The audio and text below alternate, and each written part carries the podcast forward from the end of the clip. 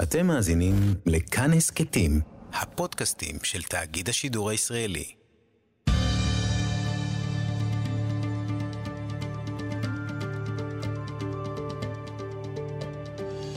כיוון הרוח. עם בני טייטלבוים. שלום לכם, אחרי ארבע שנות טראמפ, שישראל פונקה בהן על ידי הבית הלבן, האור הירוק היה בוהק מתמיד, הגענו לממשל ביידן, ממשל דמוקרטי. נדבר בחצי השעה הקרובה על ישראל וארצות הברית, נשאל כמה שאלות. האם היחסים, המשוואה היא באמת שהאמריקאים רק נותנים ואנחנו רק מקבלים? האם באמת הנשיא, נשיא ארצות הברית חשוב יותר מהקונגרס והסנאט? והאם זה נכון שבזמן הקמת ארצות הברית היה מי שחשב שכדאי שהאמריקנים ידברו עברית ולא אנגלית, ואם זה היה קורה, כל פרנסתם של המורים והמורות לאנגלית כאן בישראל הייתה נלקחת להם. אנחנו נעסוק בנושאים הללו ונדבר בנושא הזה איתך, יורם מטינגר, שלום. שלום וברכה. דיפלומט אה, לשעבר, היית ציר ו- וגם מומחה לארצות הברית. מי יותר חשוב, הנשיא או הקונגרס והסנאט? שיטת הממשל האמריקאית היא ייחודית בעולם. אגב, נשענת במידה רבה על מורשת 40 שנות נדודים במדבר, כאשר משה בהשראת יתרו ארגן את העם היהודי אז במדבר, תחת הרשות אה, המבצעת של משה רבנו, הרשות הרוחנית, אפשר לקרוא לזה כך, של אהרון, ואחר כך נשיאי השבטים ושרי אלפים ושרי מאות וכולי. זה תורגם כמובן עם השפעה של הוגי דעות בריטים וצרפתים לשיטה הפדרלית במסגרתה. הרשות המחוקקת והרשות המבצעת הם שווי כוחות, מה שנקרא באנגלית co-equal co-determining, שווים, ובניגוד לתובנה המקובלת, הם לא שקולי כוחות רק במישור הפנימי, הם שקולי כוחות הן במישור הביטחוני, הן במישור של מדיניות חוץ והן במישור הפנימי, ועובדתית, עובדתית, בעוד שכל נשיאי ארצות הברית עד היום, חוץ מאחד, טראמפ, תמיד, תמיד, תמיד לחצו על ישראל ולעיתים הענישו את ישראל. רפובליקנים כדמוקרטים. נכון. אבל שני בתי הקונגרס, בית הנבחרים והסנאט, תמיד, מ-48' ועד היום, בעלי ברית מאוד מאוד משמעותיים של ישראל, ולא פעם בניגוד לעמדת הבית הלבן, כפו על הבית הלבן, כיפפו את ידי הבית הלבן, השעו יוזמות של הבית הלבן, יזמו שדרוגים של שיתופי הפעולה שהבית הלבן התנגד להם, אבל הם עברו. מדוע אותם הצעות של בתי המחוקקים עברו? כי לפי השיטה הפדרלית האמריקאית, כוח הארנק או כוח המימון נמצא בידי המחוקקים, לא בידי הנשיא. יותר מכך, יש לפי השיטה האמריקאית איזונים ובלמים שנועדו לדבר מרכזי אחד, לא לאפשר לנשיא להפוך למלך. המניע הגדול של גיבוש השיטה הפדרלית היה איך מונעים הישנות של מלך בריטי בארצות הברית. המסקנה הייתה ברורה, צריכים לחזק את הרשות המחוקקת, לכן גם הסעיף הראשון בחוקה האמריקאית הוא סעיף הרשות המחוקקת, ואחריו בא הרשות המבצעת. אז נפתלי בנט, ראש הממשלה, לא צריך להיות מוטרד מביידן והסובבים אותו, שהם כמובן אה, זכורים לנו עוד מתקופת אובמה? בהחלט צריכים להיות מוטרדים, לא, צריכים להיות מוטרדים מהזהות הרעיונית. של המעצבים המרכזיים של מדיניות ביידן. האיש המרכזי הוא אנטוני בלינקן, מזכיר המדינה.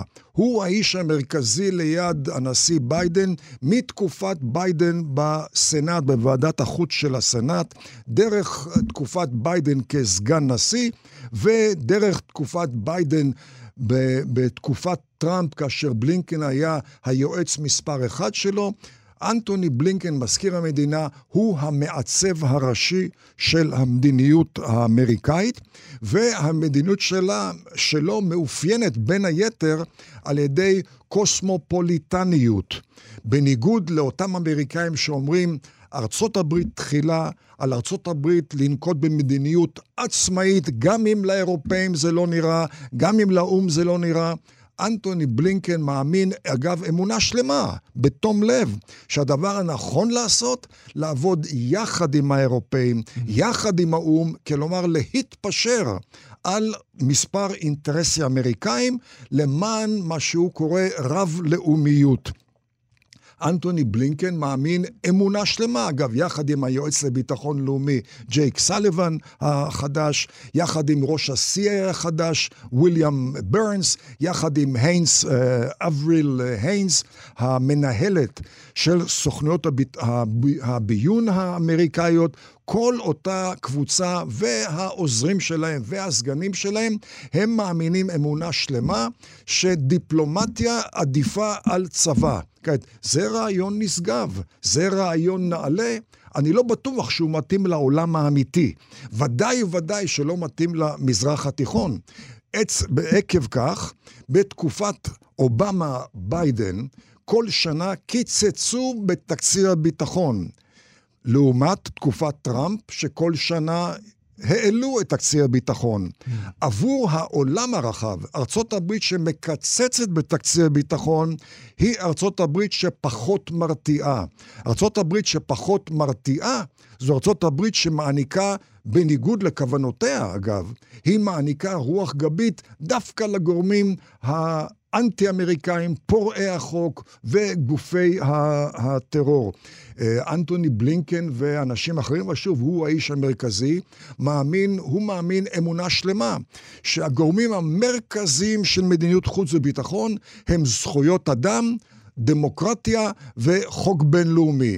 לעניות דעתי, והלוואי ואתבדה, זה יפה לאולמות ההרצאה באוניברסיטאות. עם סמוק סלמון, אל תשכח. כן, אבל זה לא טוב בעולם. עקב כך, למשל, קיים לחץ חסר תקדים כמעט של האמריקאים היום על סעודיה ועל מצרים. להקל ביחס כלפי האחים המוסלמים, שהם גוף הטרור הסוני האסלאמי המטריד והמאיים ביותר. הם מטומטמים, סליחה, הם דמוקרטים. מה הם... מה, תסביר לי את הלוך המחשבה. להעלות... אמ, גוף כמו האחים המוסלמים, זה ברור שזה יגביר טרור. מה המחשבה של האנשים האלה שחושבים שאם נעלה את הטרוריסטים הללו, יהיה יותר טוב בעולם? אם אתה היית שואל עכשיו בריאיון את אנטוני בלינקן, על סמך תשובות שהוא נתן, ואני למ... לא, אף פעם לא פגשתי אותו, okay. אוקיי. אבל למדתי היטב את הנאומים שלו, את ההשתתפות שלו בפאנלים באוניברסיטאות, אילו הוא היה יושב פה, היה אומר לך, בני, טרור הוא מונחה ייאוש. יש לטפל בסיבות לייאוש, ואם נפתור את בעיות הייאוש, ייפתר, תיפתר בעיית הטרור. עכשיו, זה, זה רעיון נהדר. אילו הוא היה תואם מציאות. הטרור של האייתולות באיראן אין לו שום קשר לייאוש, להפך. יש לו קשר לפנאטיות דתית מגלומנית שרוצה להשתלט על המפרץ הפרסי, על הים התיכון ועל העולם כולו. Oh. כנ"ל לגבי טרור חמאס או טרור הרשות הפלסטינית, שהם מונחים על ידי רעיון של חיסולה של הישות היהודית. כך לא חושב אנטוני בלינקן. אתה גם יכול, כשאתה אומר שהם פגומים מבחינת ההבנה, מה היית אומר לישראלים שאמרו, בוא ניקח את ערפאת מבסיסיו בתימן, בלבנון ובתוניסיה, וניתן לו בית בשומרון, ביהודה, בירושלים המזרחית ובעזה. איך בדיוק זה משתלב עם המציאות? בוא נדבר רגע על הברית בין העמים, שאני יודע שזה נושא שהוא מאוד קרוב ללבך. א', זה נכון מה שאמרתי בהתחלה, שהייתה מחשבה שידברו עברית בארצות הברית לפני 1789? אה, מתי? אה, לא, סליחה, ארצות הברית אה, נוסדה ב-1976, אבל הייתה, היה, הייתה זיקה. מאוד מאוד עמוקה לשפה העברית, כפועל יוצא מזיקה עמוקה לתנ"ך שלנו, החל מהגעת הספינה הראשונה המייפלאואר המפורסמת. ב-1620. ואפשר לומר עד היום, אם כי היום זה חלש הרבה יותר. והזיקה הזאת קיבלה ביטוי בין היתר בכך שהסופרת הידועה, הריאט ביצ'ר סטו, שכתבה את אוהל הדוד תום, ששיחק תפקיד מאוד מאוד חשוב בחיסול תופעת העבדות בארצות הברית. הריאט ביצ'ר סטו ובעלה, שכונה, אגב, הם שניהם נוצרים, הבעל כונה הרב הקטן, הוא היה גוץ, נוצרי, שידע לדקלם את התנ"ך בעל פה ובשפת המקור. שניהם היו פעילים מאוד בתנועה שנקראה התנועה ההברייסטית. ששאפה, פעלה להפיכת העברית לשפה רשמית. אגב, זה קיים עד היום, אם כי שוב, בזיקה. אה, קלושה, אבל האוניברסיטה מהידועות בעולם, יייל, שהיא מעשר הראשונות שנוסדו בארצות הברית, עד היום, הסמל הרשמי שלה הוא בעברית. אורים ותומים, כוח הכהן הגדול בזמן 40 שנות הנדודים במדבר. נכון. אם אתה מדבר על אוניברסיטת קולומביה, שגם היא מעשר הראשונות בעולם, בראש הסמל בעברית. ארבע אותיות השם. אוניברסיטה מאוד יוקרתית, הייתי אפילו אומר אריסטוקרטית, פחות ידועה בארץ, דארטמוס. בראש הסמל שלה בעברית אל שדי. ואנחנו רואים דוגמאות כאלה אין ספור ברחבי ארצות הברית, אבל שוב, ברור שהזיקה היום חלשה הרבה יותר מאשר הייתה במאה ה-18 ובמאה ה-19. בוא נדבר רגע על התמיכה שלהם. הם מעבירים לנו המון כסף כל שנה. אמ, שתי שאלות. א', האם לא הגיע הזמן להיגמל? ישראל היום בכל אופן נמצאת כלכלית מקום אחר לגמרי, ויש תלות מדינית מאוד uh, כבדה שלנו בהם בגלל הכסף.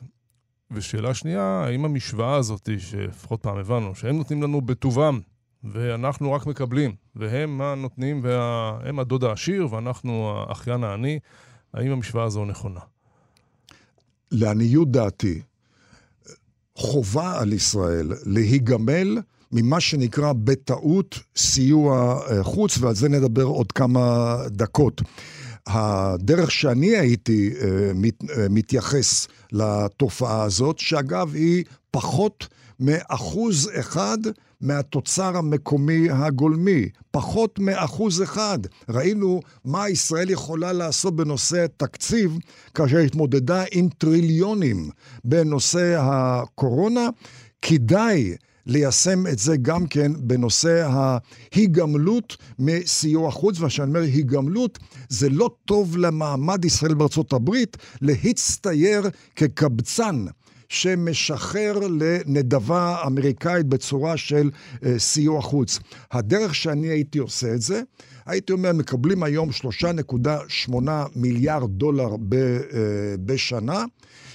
יש לנקוט במדיניות שאומרת, אנחנו נגמלים מזה בעשר השנים הבאות. כל שנה עשרה אחוז כדי להקל על אותו תהליך גמילה. אבל לא מוחקים עשרה אחוז כל שנה, אלא כל שנה 380 מיליארד דולר אה, מתוקצבים, מתקצבים אותם להקמת קרן משותפת אמריקאית-ישראלית של מפעלים, חברות אמריקאיות וישראליות, שיש ביניהם סינרגיה, מכנה משותף, לתועלת הדדית. יש אגב קרן מאוד מוצלחת בין שתי המדינות שנקראת קרן ברד. קרן ברד הוקמה ב-1977, עד היום הניבה לאמריקאים ולנו, כתוצאה מחיבור חברות אמריקאיות וישראליות, למעלה משמונה מיליארד דולר. אם נקים בעשר שנים עשר קרנות כגון דוגמת בירד, אחת בנושא הסייבר, אחת בנושא התבונה המלאכותית וכהנה וכהנה קרנות, התנובה, היבול, התשואה תהיה הרבה יותר גדולה מאשר אותם שלושה מיליארד דולר בשנה, וודאי שהרבה יותר אה, מכובדת. אבל שוב, הנושא שחשוב לדעת הוא, אנחנו לא מקבלים סיוע חוץ מאמריקאים. זו לא נדבה, זו השקעה שנתית אמריקאית בישראל, והשאלה, האם זה מניב לאמריקאים תשואה מדי uh, שנה? אגב, חייבים להוציא את הכסף שם, נכון? אי אפשר לקנות את זה פה. שזה בהחלט. גם uh, כסף ש, שמניע את התעשייה שמה. אה, ואתה רוצה לומר שאנחנו שדה, שדה ניסויים נהדר של התעשיות הצבאיות שלהם? אנחנו מהווים למעשה מעבדה בתנאי קרב עבור הכוחות הצבאיים האמריקאים ועבור התעשייה הביטחונית האמריקאית. יש כאלה ישראלים שיגידו, מה פתאום אנחנו מעבדה בתנאי קרב, זה משפיל וכולי. אני גאה בכך. Mm. אני לא רוצה לקבל לחם חינם מהאמריקאים. ומה זה מעבדה בתנאי קרב? דוגמה, אני ביקרתי במפעל. שמייצר את ה-F-35 ו-F-16 בעיר פורט וורת בטקסס. חברת לוקיד מרטין, אחד מענקי התעשייה הביטחונית האמריקאית ובעולם כולו. אמר לי אחד ממנהלי המפעל, שהראה לי את המפעל, שכל יום מועברים לקחים מחיל האוויר הישראלי ליצרן במפעל. והלקחים האלה מיושמים כשדרוג לדור הבא של ה... F-16 והיום גם ה-F-35.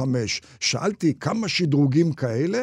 התשובה הייתה למעלה מ-700 ב-F-16. אתה גם נתן לי דוגמה, מערכת הירי 75 אחוז תוצאה מלקחים ישראלים. התא הטייס, 50 אחוז כתוצאה מהלקחים הישראלים. שאלתי אותו, אם היית שם סימן דולרי ליד אותם 700 פלוס הלקחים, השדרוגים הישראלים, מה היית מקבל? והייתה לו תשובה חד משמעית. יורם, מדובר פה על בוננזה, כך הגדיר את זה, של מגה מיליארדי דולרים לקופה של המפעל. עכשיו, אני לא ביקרתי במפעל שמייצר את ה-F-15 במדינת אה, מיזורי. אני מניח שהבוננזה היא די דומה. הבוננזה של ה-F-35 היא עוד יותר גבוהה, כי זה מטוס מתוחכם יותר, זה מטוס יקר יותר. מה המעלה של חיל האוויר הישראלי על פני כל חיל אוויר בעולם, כולל חיל האוויר האמריקאי? ישראל מקבלת בדרך כלל ראשונה את המטוסים האלה בכוונת האמריקאים. מדוע? ישראל משתמשת במטוסים האלה מיידית, במבצעים. גם כאשר טייס ישראלי ממריא לאימונים, הוא בטווח רדאר וטיל של אויב פוטנציאלי.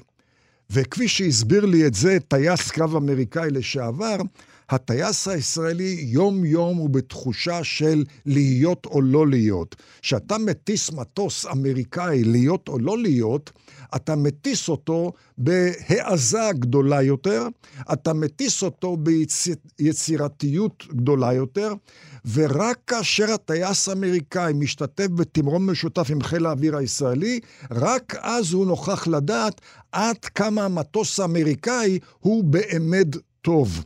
כלומר, אנחנו משדרגים את היכולות של חיל האוויר האמריקאי, אנחנו משדרגים את היכולות של התעשייה הביטחונית האמריקאית, אנחנו משתמשים במאות מערכות לחימה אמריקאיות, מרובוטים קטנים ועד מטוסים וטנקים ו- וכולי. כל אחד מאותן מערכות, אנחנו משתפים את האמריקאים בלקחים המבצעיים, התחזוקתיים והתיקונים. הלקחים האלה חוסכים לאמריקאים עשרות שנים של מחקר ופיתוח. זה כשלעצמו זה מיליארדי דולרים. טוב, אתה עדיין אומר שכדאי להיגמל, אבל מהסיוע הביטחוני של ארצות הברית.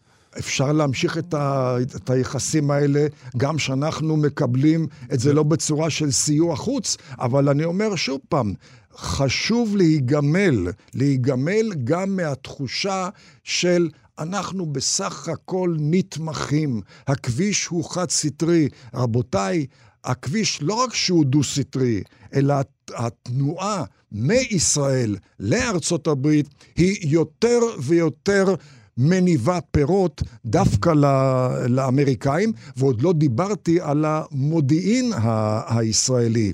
אה, היה אה, ראש המודיעין של חיל האוויר האמריקאי, הגנרל ג'ורג' קיגן. וג'ורג' קיגן נשאל פעם, למה אתה כל כך להוט לשיתופי פעולה עם המודיעין הישראלי? והתשובה שלו הייתה, משום שאם ארצות הברית הייתה רוצה לרכוש ולהשיג בעצמה את המודיעין שהיא מקבלת מישראל, היא הייתה צריכה להקים חמישה או חמש סוכנויות ביון, חמישה CIA. תקציב של CIA אחד היום אצל האמריקאים הוא כ-15 מיליארד דולר. 15 מיליארד דולר זה כמעט 500 אחוז תשואה שנתית, לעומת 3.8 מיליארד דולר שלנו, ועוד לא דיברנו על המשמעות של גיבוש תורות אה, לחימה. פגשתי מפקד כוחות המרינס לשעבר, גנרל צ'אק אה, קרולק, היום הוא נשיא אוניברסיטה במדינת אה, אלבמה, שסיפר לי שגיבוש תורות לחימה בארצות הברית נעשה בדרך כלל לפי הניסיון הישראלי במלחמות ישראל.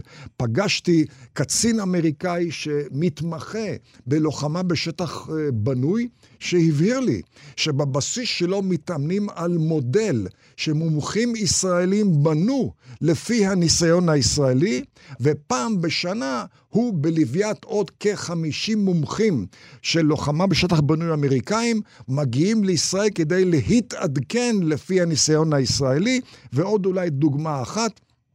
הייתי בביקור אצל מנהיג הרוב הדמוקרטי בסנאט לפני מספר שנים, ובאמצע הפגישה פתאום הודיעו לנו, יש איזה קולונל, אלוף משנה ששמע שיש אורח מישראל, הוא מבקש להיכנס להגיד שתי מילים. נכנס אותו קולונל, שאל אותי, אתה מישראל? אמרתי לו, כן. הוא אומר שתי מילים, תודה רבה. על מה אתה מודה לי? ואז הוא סיפר שהוא מפקד גדוד של כוחות מיוחדים, הסיירות האמריקאיות, חזר זה עתה משנת שירות בעיראק עם הגדוד שלו, אבל בדרך לעיראק הם עצרו לשלושה שבועות של אימונים בבסיס צאלים בנגב. הם קיבלו שם אימון על ידי מומחים ישראלים בעמידה מול מכוניות תופת, מול מתאבדים ומול מטעני צד. והוא אמר, חלק גדול מהאשראי לכך שחזרנו ללא אבדה אחת, ראוי להימסר למי? לאותם שלושה שבועות בצאלים. שאלתי אותו באמת בתמימות, האם אתה מתכוון שהיה ערך מוסף לאותם אה, אימונים בצאלים? מה אתה מדבר ערך מוסף? אני מפקד גדוד של אחד הגדודים המפוארים בצבא האמריקאי. אני את רוב השנה מבלה בסיורים מסביב לעולם אצל בעלות בריתנו ומאמן את הכוחות המיוחדים שלהם. יש מדינה אחת בעולם ששם אני לא מאמן, אלא מתאמן, זו ישראל. הבנתי. זה הערך המוסף של ישראל לצבא האמריקאי. תגיד, סתם שאלה, ביידן, אדם מבוגר, הם, היו לו כמה הופעות שאפשר היה להטיל ספק בצלילותו.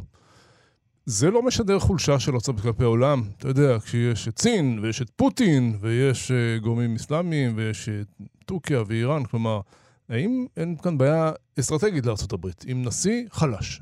תראה, אין, אין ספק שיש uh, בעיה, אבל הבעיה הגדולה הרבה יותר היא מה האידיאולוגיה המונ... המנחה את האמריקאים. Mm-hmm. אידיאולוגיה שמייצגים אותה, שוב, מזכיר המדינה והיועץ לביטחון לאומי וראש ה-CA ואחרים, זו אידיאולוגיה שהיא זוכה לצ... לצ...